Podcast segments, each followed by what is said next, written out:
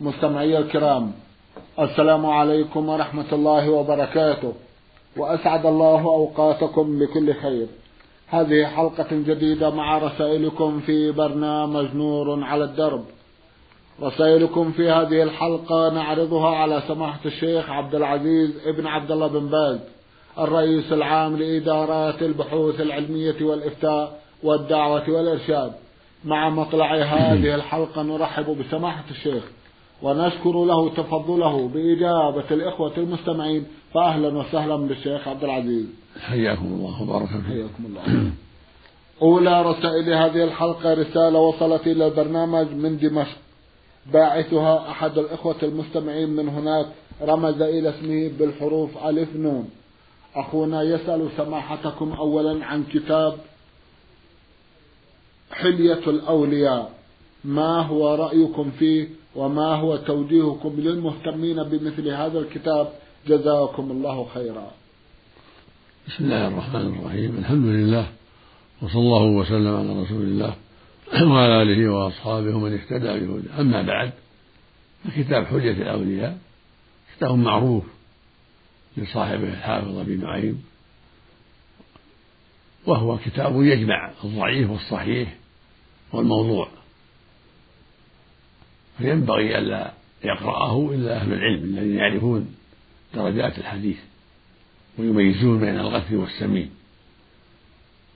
أما هذا الكتاب فهو ما يصلح للعامة وطلبة العلم الذين لم يصلوا إلى حد التمييز بين الضعيف والصحيح. وننصح طلبة العلم وإخواننا جميعا أن يقرأوا الكتب المفيدة الصحيحة مثل صحيح البخاري صحيح مسلم. رياض الصالحين كتاب مفيد. الترغيب والترغيب مفيد وفي أحاديث ضعيفة لكن نبه عليها. طيب. صاحب الترغيب نبه عليها. فإذا قال يروى أو روي في علامة الضعيف والصحيح يجزم بها ولا ولا يقول فيها رؤيا المقصود أن أني أنصح إخواني أن يتحروا الكتب المعروفة التي اعتنى أصحابها بالأحاديث الصحيحة كالصحيحين ورياض الصالحين الترغيب والترهيب منتقى الأخبار لابن تيمية المجد بلوغ المرام حافظ البلوغ هذه الحافظ بن حجر لا هذه مفيدة. نعم. وإن كان فيها أحاديث ضعيفة لكن نبه عليها الحافظ نبه على الضعيف. والمنتقى الأحاديث الضعيفة قليلة. طالب العلم يستطيع يعرف الضعيف من شرح المنتقى للشوكاني. مفيد. كذا عمدة الحديث للشيخ عبد الغني بن عبد الواحد المقدسي كتاب عظيم مفيد. أحاديثه صحيحة. أما من حجة الأولياء فهذا لا يصلح إلا لأهل العلم يميزون بين الصحيح والسقيم نعم. جزاكم الله خيرا وأحسن إليكم. يسأل أيضا ويقول هل هناك بدعة حسنة لا إثم علينا إن عملناها؟ أم كل البدع سواء؟ فلقد استشهد لي بعضهم أن سيدنا عمر بن الخطاب رضي الله عنه بعد حفظه لسورة البقرة غيبا ذبح عدة نوق لوجه الله أو أنه صام عدة أيام لا أعلم بالضبط. أي أنه ابتدع من عنده بدعة وهذه قال بدعة حسنة. فإذا فعلنا مثل فعله ووزعنا اللحم لوجه الله نكون عملنا عملا حسنا فهل تكون هذه البدعة ضلالة؟ والضلالة إلى النار؟ أجيبونا أفادكم الله. البدعة كلها ضلالة كما قال النبي صلى الله عليه وسلم في الحديث الصحيح. يقول عليه الصلاة والسلام في الحديث الصحيح في خطبة الجمعة أما بعد فإن خير الحديث كتاب الله وخير الهدي هدي محمد صلى الله عليه وسلم وشر الأمور محدثاتها وكل بدعة ضلالة رواه مسلم في الصحيح. زاد النسائي وكل ضلالة في النار بلسان حسن. وفي الحديث الآخر يقول عليه الصلاة والسلام إياكم ومحدثات الأمور. فإن كل محدثة بدعة وكل بدعة ضلالة. ويقول عليه الصلاة والسلام من أحدث في أمرنا هذا في ديننا ما ليس منه فهو رد فهو مردود متفق على صحته.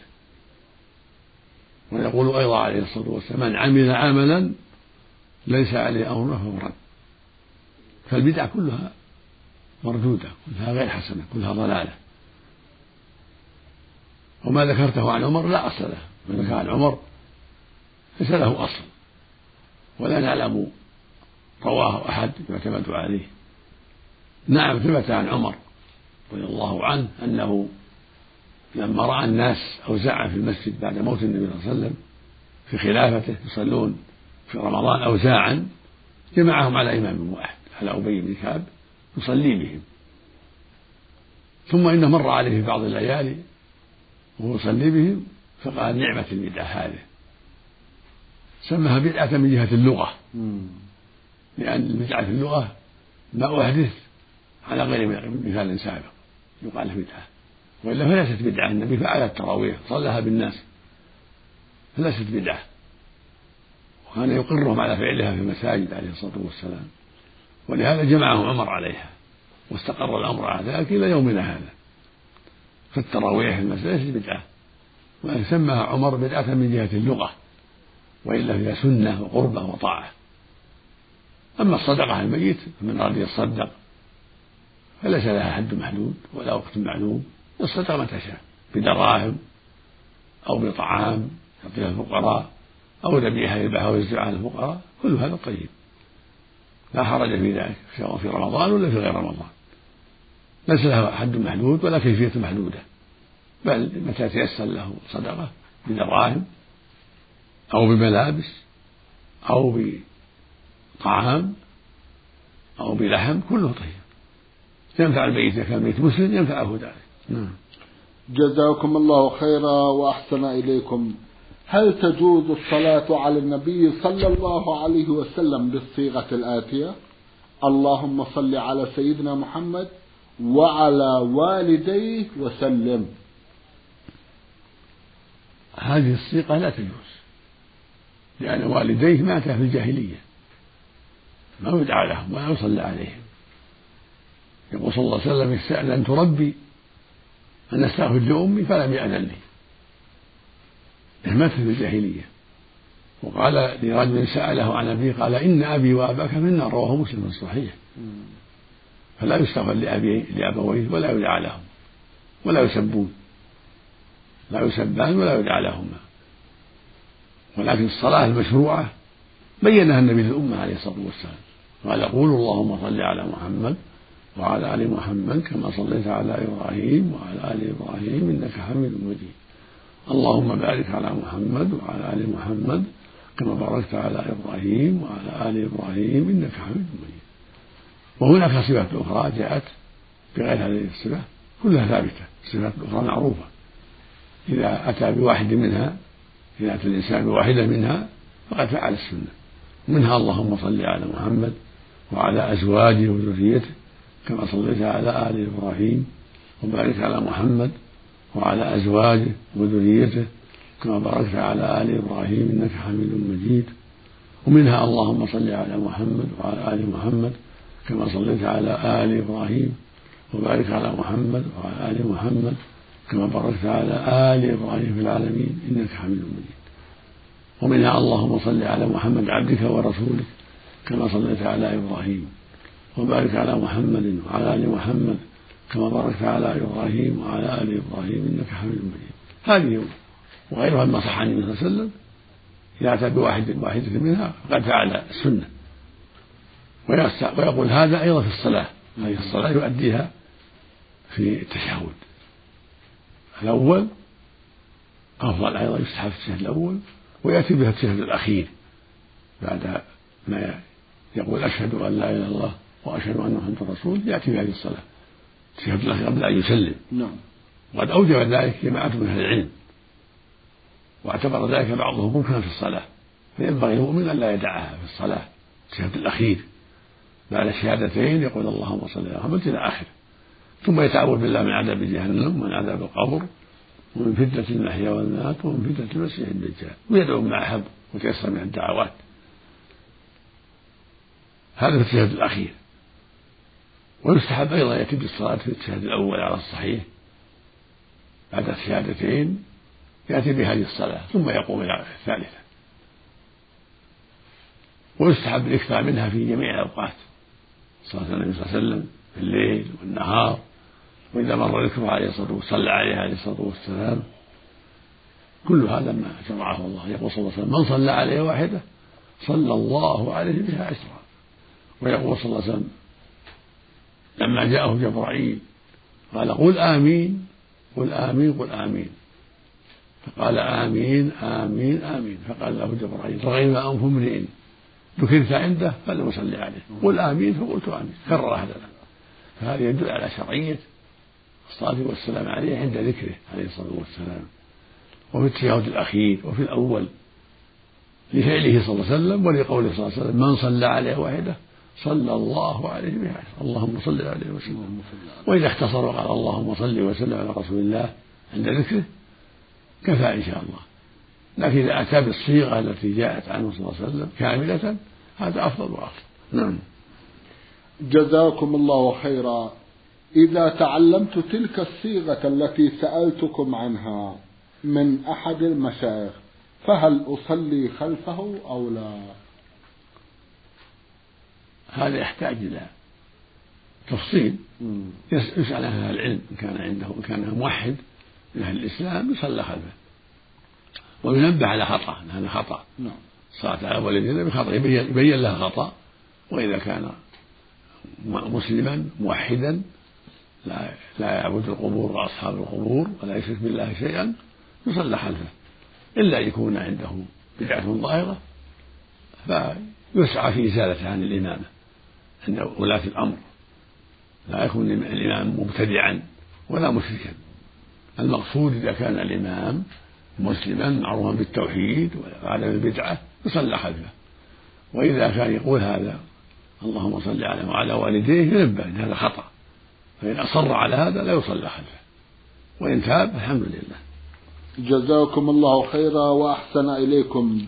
هل يظهر النبي صلى الله عليه وسلم في المنام لبعض الناس؟ أي أنهم يرونه في المنام؟ كما أنه قال لأحدهم إن شيخه يجالس النبي صلى الله عليه وسلم وهو مستيقظ وليس نائما. فهل هذا صحيح؟ ليس بصحيح. أنه يراه في اليقظة النبي صلى الله عليه وسلم توفي. كما قال الله جل وعلا إنك ميت وإنهم ميتون قد توفي بإجماع المسلمين عليه الصلاة والسلام. وروحه في أعلى عليين في الجنة وبدنه وبدنه في الأرض في مسجده في بيته عليه الصلاة والسلام. في بيت عائشة دفن لكن يرى في النوم. يقول النبي صلى الله عليه وسلم من رآني في المنام فقد رآني فإن الشيطان لا يتمثل في صورته. فإذا رآه الإنسان في صورته طبعة من الرجال من أجمل خلق الله آه، لحمته بيضاء مشربة بحمر بحمرة كف اللحية عليه الصلاة والسلام. إذا رآه بصورته عليه الصلاة والسلام فقد رآه عليه الصلاة والسلام. أما إذا رآه ما له لحية أو لحية الشايب أبيض اللحية أو رآه قصير أو رآه أسود فليس فلم يراه عليه الصلاة والسلام. لأنه قال فإن الشيطان لا يتمثل في صورتي. فالشيطان قد يتمثل في صور شتى ويقول إنه النبي صلى الله عليه وسلم حتى يغر الناس حتى يخدع الناس بما يمليه عليهم من الباطل.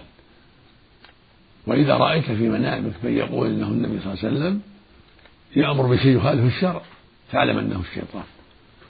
إذا أمر رأيت في المنام يقول ترى لا بأس بالزنا أو لا بأس بعقوق الوالدين أو لا بأس بالربا أو بالسرقة أو ما أشبه ذلك مما يخالف الشرع فاعلم أنه شيطان. لأن الرسول لا يأمر بالشر ولا يأمر بالفحشاء ولا ينهى عن المعروف عليه الصلاة والسلام. نعم. جزاكم الله خيرا وأحسن إليكم. بعد هذا رسالة وصلت إلى البرنامج من أحد الإخوة المستمعين. كل هذه الرسالة سماحة الشيخ وتتكون من ثلاث صفحات من القطع الصغير شكوى من والدته.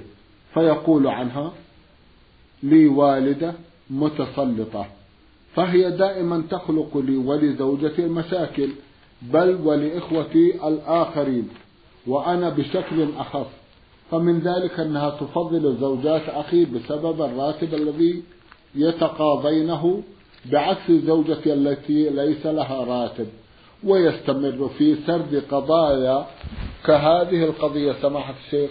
ويرجوكم التوجيه. جزاكم الله خيرا. نوصف بالوالدة خيرا. نوصيك أيها الأخ بالوالدة خيرا. وأن تعفو عما يقع منها. وأن تخاطبها بالتي هي أحسن. وتطلب منها السماح والعفو عما قد يقع منك أو من زوجتك. وإذا فضلت بعض الزوجات لأجل ما يحصل من دراهم من عندهم أحرج عليها. في مقابلة المعروف بالمعروف. إذا كانوا يعطونها من رواتبهم وتفضلهم ببعض الشيء لأجل ما يحصل منهم من المساعدة لها لا بأس. الرسول يقول من صنع لكم معروفا من صنع إليكم معروفا فكافئوه. فإذا كافأتهم بكلام طيب أو بهدية ولم تعطي زوجك مثلها فلا بأس. لأنهم أحسنوا إليها. المقصود أن عليك أن تعامل والدك بالكلام الطيب والأسلوب الحسن. وتوصي زوجك بالكلام الطيب والأسلوب الحسن مع الوالدة وما حصل من الوالدة من بعض التفضيل للزوجات. زوجات إخوتك لا حرج فيه. إذا كان للأسباب التي ذكرتها. ومن كل حال حتى لو أخطأت عليك الوالدة وحتى لو ثبتك عليك بالرفق والكلام الطيب طلبها العفو والسماح عنها لأن حقها عظيم. حق الوالدين عظيم وحق الأم أكبر. قال رجل يا رسول من أبر؟ قال أمك. قال ثم من؟ قال أمك. قال ثم من؟ قال أمك. قال ثم من؟ قال أباك. ثم الأقرب فالأقرب. فالأم لها شأن عظيم. فعليك أن تحرص على رضاها وعلى معاملتها بالتي أحسن. وإن أساءت إليك وإن تعدت عليك وإن عليك أن تصفح. وتعفو عنها وتطلب رضاها دائما وهكذا زوجتك عليها أن تجتهد في المعاملة الطيبة مع أمك. أصلح الله حال الجميع. اللهم آمين. جزاكم الله خيرا. الواقع سماحة الشيخ كما تفضلتم كثيرا ما يصل شكاوى من الزوجات من أمهات الأزواج. لعلها مناسبة كريمة أن تتفضلوا بتوجيه الزوجات كيما يكن عونا للأزواج على البر بالأمهات. نعم الواجب على الزوجات أن يتقين الله عز وجل وأن يحرصن على إصلاح الحال بين الرجل وأمه وأبيه وأن يكون سببا للفساد والشر والعقوق والواجب على الولد أن يتقي الله في أبيه وأمه وأن يبرهما وأن يحسن معاشرتهما وملاطفتهما حتى ولو أساء إليه حتى ولو ضرباه يجتهد في إرضائهما وطلب السماح منهما. قال الله جل وعلا في كتابه الكريم أن اشكر لي ولوالديك إلي المصير وقال سبحانه وإن جاهداك يعني والدان وإن جاهداك على أن تشرك بي ما ليس بهم فلا تطعهما وصاحبهما في الدنيا معروفا. أمر بمصاحبتهما بالمعروف وإن كانا كافرين لعظم حقهما. قال وصاحبهما في الدنيا معروفا. لكن لا تطعهما في في المعصية والشرك. لا يطاع أحد في المعصية والشرك. لكن تجتهد في العبارات الطيبة والأسلوب الحسن في الإعتذار إليهما وعدم السمع والطاعة لهما في المعاصي وأنه لا يجوز لك وأن الرسول نهاك عن الطاعة في المعاصي لأحد من الناس وتجتهد في دعوتهما إلى الخير وترغيبهما في الخير وهكذا زوجتك تجتهد في المعاملة الطيبة مع والديك. حتى لا تكون سببا للعقوق إياهما أو سببا لتعديهما عليه أنت وزوجتك عليكما عليكما العناية بحق الوالدين والحرص على إكرام الوالدين والسمع والطاعة لهما في المعروف وعدم الإساءة إليهما. وإذا أخطأ عليك أو على زوج الزوجة فاجتهد في طلب السماح والعفو والصفح وأحسن معهما الخلق والكلام. جزاكم الله خيرا وأحسن إليكم من المستمع سفيان أحمد من القاهرة العريش رسالة. وضمنها سؤالين. في سؤاله الأول يقول نحن نقوم ببناء مسجد بالجهود الذاتية ونجمع زكاة المال وننفقها في هذا المسجد فهل هذا يجوز؟ الصواب انها لا تنفق الزكاة في المساجد. الصواب عند جمهور أهل العلم أن الزكاة لا تصرف في المساجد تصرف في الأصناف الثمانية التي بينها الله. في قوله عز وجل إنما الصدقات الزكوات إنما الصدقات الفقراء والمساكين والعاملين عليها والمؤلفة قلوبهم وفي الرقاب والغارمين وفي سبيل الله وابن السبيل. هذه مصارف الزكاة. ليس منها المساجد والمدارس لا. في سبيل الله الجهاد. فالواجب على المؤمن والمؤمنة أن يتقوا الله في صرف الزكاة وأن لا تصرف إلا في أهلها. لا في المساجد ولا في الأغنياء ولا في أولادك ولا في آبائك ولكن تعطيها الفقراء. من إخوتك الفقراء أو أخوالك أو أعمامك أو بني عمك الفقراء أو غيرهم من الناس الفقراء المسلمين. جزاكم الله خيرا وأحسن إليكم. يقول سمعت من بعض أئمة المساجد أنه إذا توفيت المرأة لا يجوز لزوجها أن يغسلها. وذلك لأنها أجنبية عنه بوفاتها. هل هذا صحيح؟ ليس بصحيح. الصواب أنه أن له غسلها إذا ماتت ولها هي أيضا أن تغسله إذا مات. لأن السنة ثبتت بما يدل على ذلك. وغسلت أسماء بنت عميس زوجها الصديق رضي الله عنه لما مات. وغسلت فاطمة وغسل علي زوجته فاطمة. غسل علي رضي الله عنه زوجته فاطمة رضي الله عنها. فالمقصود أن تغسيل الزوج لزوجته والزوجة لزوجها أمر لا بأس به. لأنه أعلم بها وهي أعلم بحاله. قد بقيت علقة بينهما وهي العدة. فلا بأس ولا حرج في تغسيله لها وتغسيلها له. نعم. جزاكم الله خيرا. من أم عامر من الخبر رسالة وضمنتها هذا السؤال. يوجد في منزلنا كثير من النمل وهو مؤذن ولدغاته مؤملة ولدغاته مؤلمة لا تشفى إلا بعد معالجتها بالمطهرات وأحيانا حتى بعد تطهيرها يبقى أثر الألم لمدة يوم كامل وأحيانا أكثر من ذلك. والسؤال هل يجوز لنا قتل هذا النمل؟ وهل إن هذا الضرر الذي تسببه لنا سبب كاف للقضاء عليه؟ نرجو الإفادة. جزاكم الله خيرا. نعم. إذا اذاكم النمل فاقتلوه ولا بأس. لكن بغير النار بغير التحريق يقتل بالمبيدات الأخرى غير النار. ولا حرج في ذلك. لأذاه. كما تقتل الفواسق الخمس لأذاه. والنبي صلى الله عليه وسلم خمس من الدواب كلهن فواسق يقتلن في الحل والحرم. الغراب والحدعة والفأرة والكلب العقور والحدية. فالمقصود أن المؤذيات من الحيوانات كهذه الخمس وأشباهها والذباب والجعران والنمل وكل شيء يؤذي من هذه الأشياء لا بأس بقتله. جزاكم الله خيرا. نعود في هذه الرسالة إلى رسالة وصلت إلى البرنامج من أحد الإخوة المستمعين رمز إلى اسمه بالحروف ألف نون من دمشق. يقول نعلم أن هناك مجلسا لذكر الله وعندنا أصبح مجلس اسمه مجلس الصلاة على النبي. فنقول اللهم صل على سيدنا محمد وعلى والديه وسلم أو اللهم صل على سيدنا محمد وعلى آله وصحبه وسلم على حسب الإمام. فهل هذا المجلس جائز؟ أفيدونا جزاكم الله خيرا. الصلاة على والدي النبي لا تجوز لأن والدي النبي مات على الجاهلية فلا يصلى عليهما ولا يدعى لهما. وثبت عنه صلى الله عليه وسلم أنه قال استأذنت ربي أن أستغفر لأمي فلم يأذن لي. وقال لرجل سأله عن أبيه إن أبي وأباك في النار.